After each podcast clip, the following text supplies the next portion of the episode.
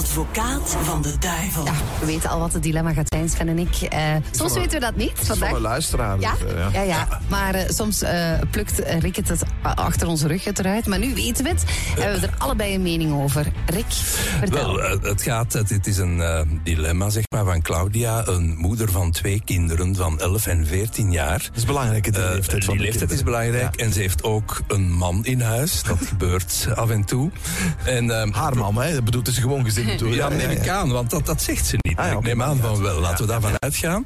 En bon, de kinderen van 11 en 14 willen nu al een kerstboom plaatsen. Nu, in november, lang voor Sinterklaas.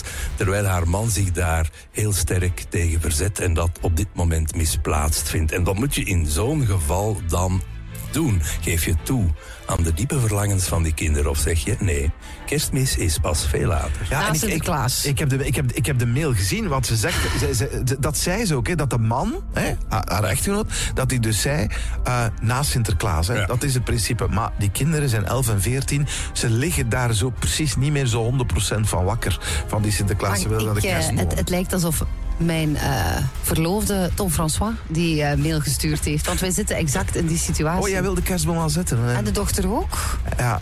De En- dochter. en zegt knows papa? the secret. En wat zegt papa? Nee, Niet voor Sinterklaas. principieel. Maar en hij is niet eens een kerstfreak.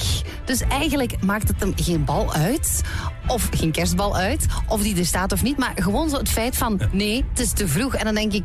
oh, Wat de hel, het is te vroeg. Als wij daarvan genieten, dan mag die toch al staan. Ja, ik ben ook wel een beetje van het principe dat eh, Sinterklaas en de kerstman, dat zouden toch oude wijze mannen moeten zijn. Die zou toch bij een glas glühwein die discussie kunnen wegpraten. Nee, er, is al zoveel, er zijn al zoveel Gazastroken in de wereld. Ja. Als die twee wijze mannen niet over Oude mannen worden vaak minder soepel van Is dat geest. zo, ja? Het groeien der jaren, ik kan erover meespreken. We worden stilaan uitstaanbaar. Staat uw kerstboom al? Eh, nee, maar, eh, nee, helemaal niet. Maar ik ken dan ook een ander voorbeeld dat je zou kunnen nemen, is dat van Mark van Ranst. Uh, Oei, oudere is luisteraars herinneren zich die man misschien nog. Ja? En eh, in de coronacrisis in 2020, ik weet niet wanneer hij de kerstboom had gezet, maar toen zei hij de hele tijd, tot diep in de zomer, ik heb hem nog altijd niet kunnen opbergen of afbreken. Ja, ik hoop dat hij van plastic was dan, maar Ja, ja, Ja. ja. dat is dan de andere kant. Maar wat is jullie mening? maar- Maar, ja, moet je luisteren naar de papa die zegt, nee, niet voor Sinterklaas. Kinderen, dat gaan we niet Oh, doen. ik- Alles op zijn tijd. Nee, zo'n zure neut. Nee, nee, nee. Zet hem gewoon achter de rug.